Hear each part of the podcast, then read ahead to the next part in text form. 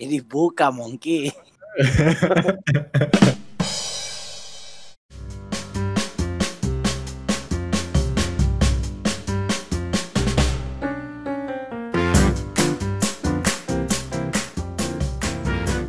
kan kan otomatis sekarang tuh kalau keluar harus harus apa setelah setelah beres ketemu orang harus cuci tangan lah apa gitu-gitu lo udah seberapa otomatis kan melakukan hal itu ketika habis ketemu orang? Atau kadang masih lupa-lupa juga gitu Eh, ke kamar mandi setelah ketemu orang tuh pasti cuci tangan minimal ya.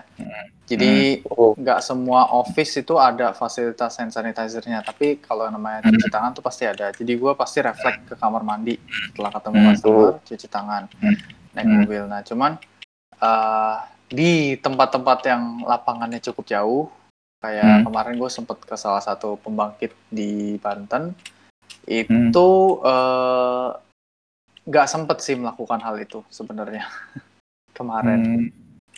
karena jarak antar lokasi jauh, toiletnya juga Hmm. jauh, Hmm. eh, pulang udah lelah, itu langsung naik ke mobil kemarin.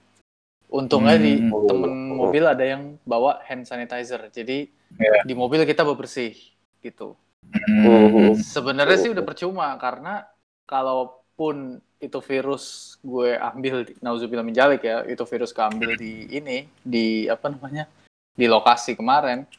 Terus Hmm. gue naik mobil sebelum bebersih, ya itu virus kan jadi berada di mobil ya. Hmm. Nah itu hal yang Oh. lebih kompleks lagi sebenarnya. Gimana kita nge-treat kendaraan kita juga penting sih. Nah, Iya. sama satu hal yang gue lakukan adalah gue mengurangi kayak pakai jam tangan gitu-gitu. Gue sekarang nggak pakai sih pak. Karena gue malas tangan. Oke. bersihin ya cincin, cincin, cincin kayak nggak gue pakai. Hmm. Jadi kalau mau ketemu orang gue nggak pakai supaya ya kayak tadi kayak Riansyah, lu udah hand, hand sanitizer segala macam, cuman kan barang-barang kecil susah bersihinnya. Hmm. Jadi ya mendingan gak usah. Mending gak usah pakai Iya. dulu gitu kan. Iya nggak usah pakai aja dulu nggak mati juga kan kita. Gak pakai jam Iya. tangan. Udah gue tinggal aja. dulu. Jadi kalau Yes. enggak, kalau kalaupun ketemu orang ya mungkin habis itu harus gue bersihin. Jadinya repot kan. Tapi nah, lo udah seberapa kuat menahan godaan megang muka tuh? Itu yang paling susah sih sejauh ini. Kadang masih, kalau gue merasa kadang masih nggak sadar tuh kayak mau pegang muka lah. Paling sering tuh kayak mau benerin masker tuh. Apalagi atau kacamata, karena kan gue pakai kacamata tuh. Lo udah bisa menahan Ini itu? sangat sangat sulit di gua. Pertama karena gua ngerokok pak. Gua nggak ada, nggak mungkin gua nggak megang muka. hmm, Batang rokoknya gue pegang, gue isap sama aja kan. Iya. Sekarang jadi ya preventif gue untuk kegiatan merokok gue setiap gue ngerokok ya gue sebelum ngerokok dan setelah ngerokok gue hand sanitizer udah itu doang. Jadi agak sulit ya kalau bagian itu gue megang ya udah pasti kepegang udah pasti. Pasti iya, mau gimana lagi. Soalnya nggak nggak tahu itu tanpa disadari tuh ternyata sebetulnya frekuensi kita megang muka dalam kondisi default ya itu kayaknya sering banget ya. Sering banget Iya. ngusap-ngusap mata, eh, Nah, ngu- ngucak-ngucak hidung. nah, refleks om. iya itu dia. Dan Belum ketika habis kita makan lu korek-korek gigi, eh, sama aja. nah, itu dia. Dan ya itu ketika kita sekarang berada di kondisi nggak boleh megang muka sembarangan tuh rasanya aduh kagok gitu gimana gitu. Hmm. Tapi ya gimana ya? Untungnya dengan pakai masker tuh agak sedikit ini sih agak sedikit terhambat tuh upaya buat Terhambat. pegang muka. Hmm. Minimal kalau garuk-garuk ketutupan masker dulu kan. Yoi. Walaupun gimana ya, walaupun sebetulnya kan masker sendiri nggak boleh dipegang-pegang kan sisi luarnya itu. Iya. Tapi ya eh, gimana? Susah sih kadang. Iya. Orang hidungnya gatal. Nah, itu dia. Masalah jaga jarak nih gimana nih? Itu juga yang kadang susah tuh. Kita udah mencoba jaga jarak, eh orang lawan bicara kita yang enggak, yang enggak apa, yang enggak mencoba menjaga jarak secara aktif.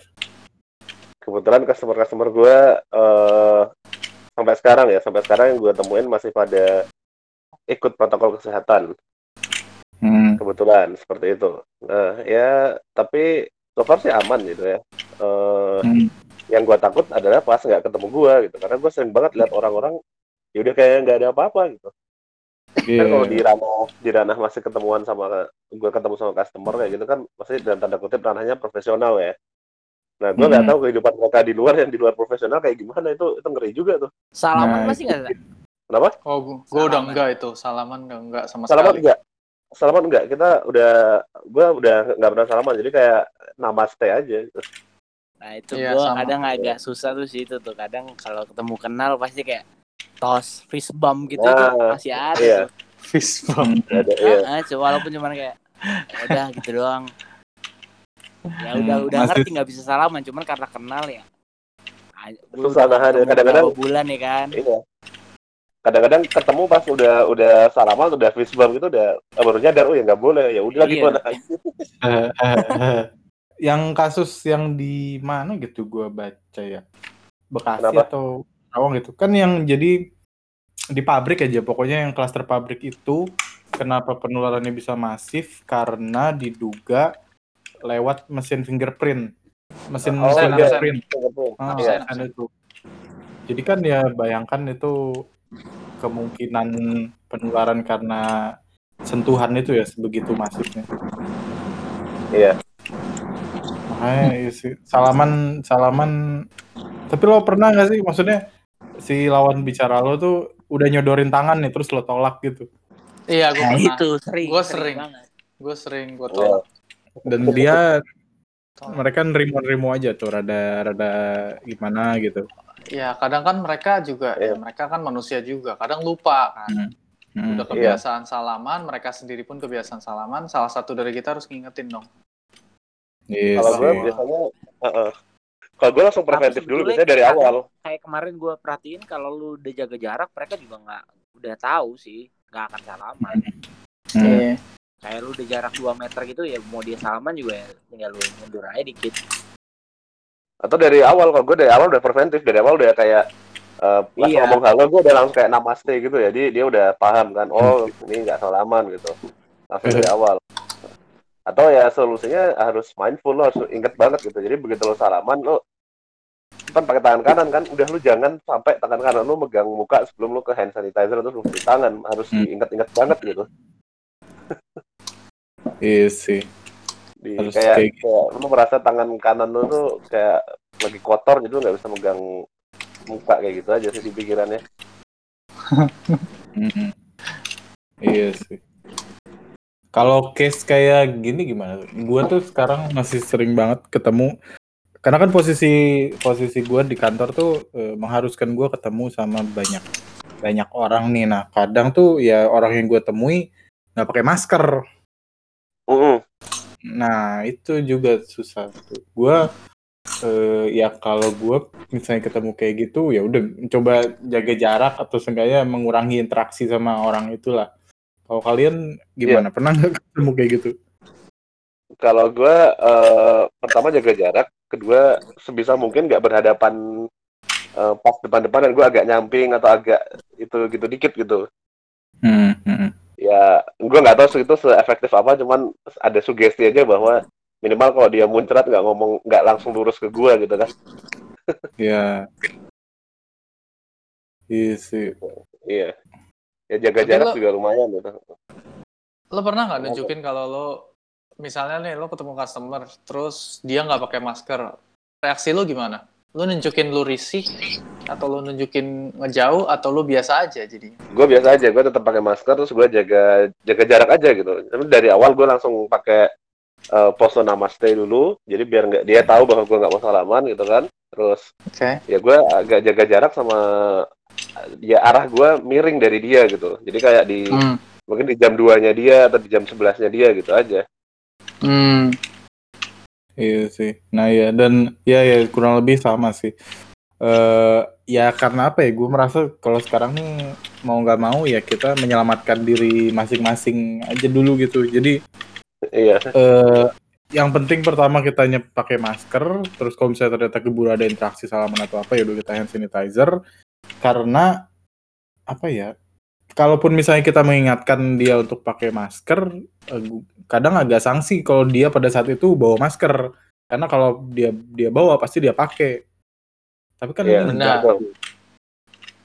Makanya ya ya udahlah akhirnya kalau untuk saat ini gue belum belum secara gamblang bilang pak pakai maskernya dong atau bu pakai maskernya dong karena ya gitu sih kayaknya sih gue curiganya nggak bawa cuma mungkin suatu saat itu mau nggak mau harus dipraktekin sih Iya. Tapi beberapa Ya, tempat kalau- udah Hmm. udah ada tulisan area wajib masker sih kayak kak. Wajib. Gua sempet makan sama klien juga Hmm. udah wajib pakai masker. Jadi kalau nggak bawa masker ya nggak bisa masuk pak. Hmm, Kayak kantin, gue kemarin kantin. hmm. Kantin kantor. Enggak sih restoran sih sebetulnya bukan kantin. Jadi bagus emang Oh. proper. Ya, iya sih. Kalau mungkin kalau kalau yang kantor kantor-kantor yang udah ini ya, yang memang prosedurnya bagus, Sama kok dengan kantor anda Bapak Pandu. kantor Rata-rata pusat. udah standar kok. Nggak. Om, itu. Yang dep- ya ini kerjasama. Nah, tapi memang harus diakui ya, gue merasa kalau di di lapangan itu orang banyak alasan untuk tidak memakai masker. Eh, entah itu susah komunikasi lah, terus atau misalnya ya merasa tidak nyaman. Itu makanya ya kadang masih gua masih gua temui gitu loh kalau ketemu sama yang pekerja-pekerja yang di lapangan. Ya akhirnya kalau misalnya case gua sih kalau ada kayak gitu yang gua remind adalah si eh, mandornya atau supervisornya untuk untuk memastikan mereka pakai ada masker atau enggak. Pakai masker gitu ya. Iya. Ah, tapi ya baik lagi tadi kalau misalnya kok orangnya langsung ke pekerjaannya kadang ya emang dianya nggak menyediakan masker yang bisa dia pakai saat itu juga, jadi agak useless juga sih. Padahal ya itu masker ini perlindungan paling minimal banget loh buat Paling sekarang. mudah. Paling mudah. Iya, Kesadaran yang aja sih. iya. Nggak yang kemudian wah harus pakai apa? Yang face shield itu malah kadang ada orang kebalik pakai face shield tapi nggak pakai masker ya sama dengan bohong. Terus kalau dari ini apa namanya dari aspek lainnya lu pada menjaga kesehatan ada cara khusus nggak kayak lu harus apa lu nggak boleh makan apa kalian ada melakukan hal-hal seperti itu nggak? Buat gue justru makan harus yang emang lo suka, emang yang lo bahagia, makin lo bahagia, imun lo makin bagus ya kan. Kan lo sendiri yang bilang itu, Sa. Iya. Makan Ya, enak gitu. biar lo bahagia, biar bahagia Ya emang ada kan eh, yang kalau yang gue tahu sih salah satu apa namanya bagian dari imun tubuh kan ada sel sel darah putih yang aktivasinya kalau lu ketawa atau kalau lu bahagia ya. Pokoknya Happy. pakai hormon apa sih istilahnya hormon bahagia tuh? Ya pokoknya Iya. aktivasinya sama itu. Jadi eh, kalau lu bahagia ya minimal si sel darah putih tersebut namanya apa gue lupa aktif gitu. Mhm. Jadi makanya kalau gue berusaha se- sebisa mungkin bikin diri gue seneng lah. ya Kalau lu gimana, Nduk? Atau ada cara Kalau- tertentu nggak? Mungkin lu sengaja oh, harus Madu. Kalian dulu, pada minum madu nggak sih? gitu. madu jujur gue belum. Eh Gua- kalau lu gimana? gue rutin minum madu itu wajib. Madunya madu apa? Madu rasa tes. atau ya, madu, madu apa? asli. Madu, madu asli Madu. lah. Jadi kalau buat makanan sih se- ya sejauh ini kayaknya gue masih makan dengan normal sih. Ya yang selama ini ada di sekitaran ini ya gue makan. Cuma memang eh, paling tambahannya apa ya? Vitamin. Biasa sih vitamin tiap hari, tapi berapa hari belakangan ini akhirnya gue mulai menyerah dan memutuskan untuk mengonsumsi produk-produk yang kalau menurut gue sih placebo effect doang. Kayak misalnya minum susu Bear Brand. Gue dari Hmm. dulu merasa kalau susu Bear Brand itu eh, ya cuma susu doang gitu. Itu bukan bukan sesuatu yang punya efek menyembuhkan atau apa. Cuma kan orang bilang wah minum minum Bear Brand nih itu kan anjur banget bikin bikin badan seger lagi ya malah kadang orang kalau mau MCU tuh minum beer brand ya udahlah akhirnya gue beberapa hari belakangan ini mencoba untuk minum itu ya sejujurnya gue sih belum merasakan efek signifikan sih terus Oh, sama bener. apa ya sama paling ya bolak-balik minumin tolak angin Loh, padahal nggak masuk angin padahal nggak masuk angin Madu pak madu madu. Nah, iya. Mungkin mungkin gue efek herbalnya dari situ kali ya, ngincernya tolak dari tolak angin ya. Dan kan memang katanya orang kalau minum tolak angin tuh ya badan yang menghilangkan nggak enak badan gitu-gitulah. ya coba balik lagi akhirnya gue bahkan kondisi lagi nggak enak badan pun ya udah gue hajar aja minum. Tahu deh apakah akan gue akan merasakan placebo efeknya juga. Kalau gimana no? Apa tuh? Kon ya lo mengonsumsi sesuatu kah? Gua pagi minum vitamin sama madu sekarang, Pak. Madu, madu Hmm. apa tuh? Ada madu tahu ya beli tahu nih beli di mana Hmm, pokoknya madu. Kalau kalau gua kalau gua eh, ini aja nggak tau makan makan gue jadi sedikit lebih banyak aja Nah, Eh, itu gua bisa kan bisa makan alasan lo aja batasan. itu. makan apa makan apa ya Jadi lebih banyak aja Gua jujur Terus, malah kebalikan gua dari sekarang lu, lebih memaksakan diri berolahraga lagi Eh, Hmm. kebetulan eh, tempat gym itu udah buka di tempat gua Eh, memang agak beresiko tapi gue lihat eh, gua selalu datang di jam-jam yang kayak cuma ada dua orang tiga orang kayak gitu loh. Jadi kadang-kadang gue cek Hmm. satu hari gue ngecek itu lihat rame atau enggak kalau rame gue nggak jadi datang gitu. Kalau ternyata nggak rame ya udah gue datang. Terus nanti begitu udah rame gue selesaiin gitu. Sebenarnya yang penting asal ada gerakan aja sih dan di situ gue juga pakai masker gitu. Dan jadi gue apa namanya istilahnya pakai masker walaupun olahraga gitu. Ya memang agak Hmm. kerasa sih cuman ya ya mau gimana lagi gitu. Agak kerasa apa namanya bikin bukan bikin sesek ya. Ya lebih nafasnya lebih susah tapi ya udah mau gimana lagi. Tapi kenapa lo memutuskan buat ke gym lagi? Dengan kondisi masih kayak gini ya? eh mana ya? Eh ya gue dari dulu sebenarnya eh ini sih. Jadi kalau gue dari dulu sebagai anak yang suka nge-gym ini kayak kayak ngerasa aja kalau masa otot masa otot hilang itu berpengaruh pada daya tahan tubuh dan intinya fungsi tubuh secara keseluruhan dan ada se- sebenarnya cukup banyak juga artikel-artikel yang bilang kayak gitu walaupun mungkin nggak terlalu apa namanya eh, nggak terlalu relevan dengan kondisi sekarang gitu. Cuman ya sama kayak kata lo, placebo efek juga gitu. Jadi gue merasa kalau gue ada sedikit pump di masa otot gue gitu, nah, minimal gue Hmm. merasa lebih eh, lebih apa namanya daya tubuh daya tahan tubuh lebih kuat lah atau lebih lebih sehat kayak gitu. Karena kalau misalkan gue nggak latihan seperti itu, gue ya lama-lama mulai merasa lebih ya apa ya lebih lemah lah gitu. Tapi akhirnya kompromi gue adalah ya udah gue nggak gue lihat gymnya gitu kan dan sebentar di resepsionisnya gue coba tanya dulu ada berapa Eh, kalau misalkan cuma tiga dua tiga gitu oh ya udah gue datang gitu kalau ternyata ada Hmm. berapa lihat oh ada 10 gitu eh udah nggak jadi terus gue latihan oh, misalkan baru latihan 10 menit 15 menit ada banyak orang datang ya gue pulang intinya tapi Hmm. eh, gue selalu membatasi jarak emang jadi kayak kalau kalau nggak salah kan kalau di Indonesia kan sarannya satu meter ya kalau gue mungkin satu setengah atau dua meter tuh jarak gue gitu jadi kayak personal space gue nggak eh, sebisa mungkin membuat eh, orang pokoknya jangan sampai eh, lebih dekat dari satu setengah meter dari gue kayak gitu Tapi gymnya emang nggak ini apa? Mereka nggak ngebatasin jumlah pengunjung gitu?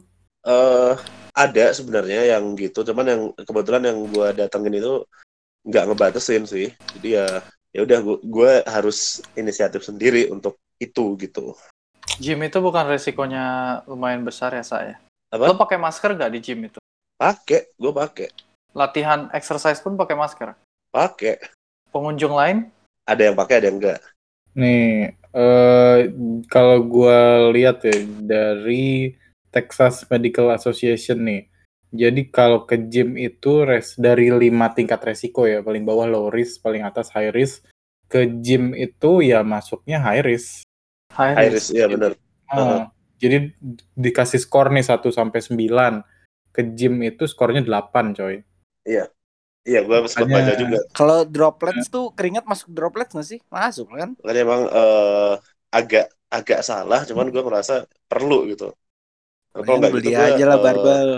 apa namanya tidak merasa daya tahan tubuh gue kuat gitu jadi Hmm. ya nanti kalau misalkan di tempat gym gue ada yang aneh-aneh dikit gue stay away gitu atau mungkin nanti gue coba cari alternatif lain gitu karena eh, ya kalau buat gue eh, olahraga dengan yang ada di rumah itu udah eh, ibaratnya udah nggak eh, udah mulai mulai bosan atau mulai nggak keras nggak kerasa itu. Tapi si ininya, si gymnya apa? Mereka bersihin alat rutin gitu nggak? Kalau nggak salah tuh kalau di beberapa gym gede ya, mereka tuh setiap berapa waktu sekali tuh pasti ada ngebersihin. pakai disinfektan gitu dan itu jangka waktunya cukup deket. Kalau di tempat lo Nah, ini eh, gitu nggak? nyediain sendiri. Jadi kayak di dekat di tiap-tiap Eh? alat tuh ada kayak apa? Semprotan-semprotan yang buat semprotan-semprotan yang isinya air campur disinfektan gitu loh. Hmm, gitu. hmm. Nah, jadi eh, Oh. ya di situlah gue cukup merasa aman juga gitu. Jadi mau pakai semprot dulu, pakai semprot dulu. Yang semprotan-semprotan Hmm. yang yang kayak gitu, yang kayak buat apa? Kayak cairan setrikaan tuh, yang kayak gitu. Iya, iya. Heeh, jadi Hmm. gue merasa sedikit aman sih di situ. Tapi lo ketika pindah alat gitu disinfek pakai eh, bukan disinfektan, pakai hand sanitizer dulu gitu nggak? Atau ya udah pindah pindah pindah aja yang penting nggak Oh, pakai gua bawa. pegang muka. Gue bawa bawa sendiri. Hmm. Dan itu route selalu lo pakai setiap habis megang alat apa, pakai hand sanitizer dulu baru pindah gitu ya. Iya, pindah. Kalau pindah gue pakai. Dan pas udah selesai juga gue selesai pakai. Kayak gitu. Hmm. Yang agak challenging adalah yang masih gue bingung eh, saat gue beres dari gym kan pulang. Hmm. Iya. terus atau enggak atau enggak kalau kadang-kadang kalau pagi gue habis gym kerja nah itu agak-agak bingung. Ini mau gimana nih? Jadi eh, ya paling gue mandi baju baju ganti taruh di tas nah. Gue jadi agak-agak bingung nih tas gue jadi banyak virus kayaknya nih. Ada perasaan kayak gitu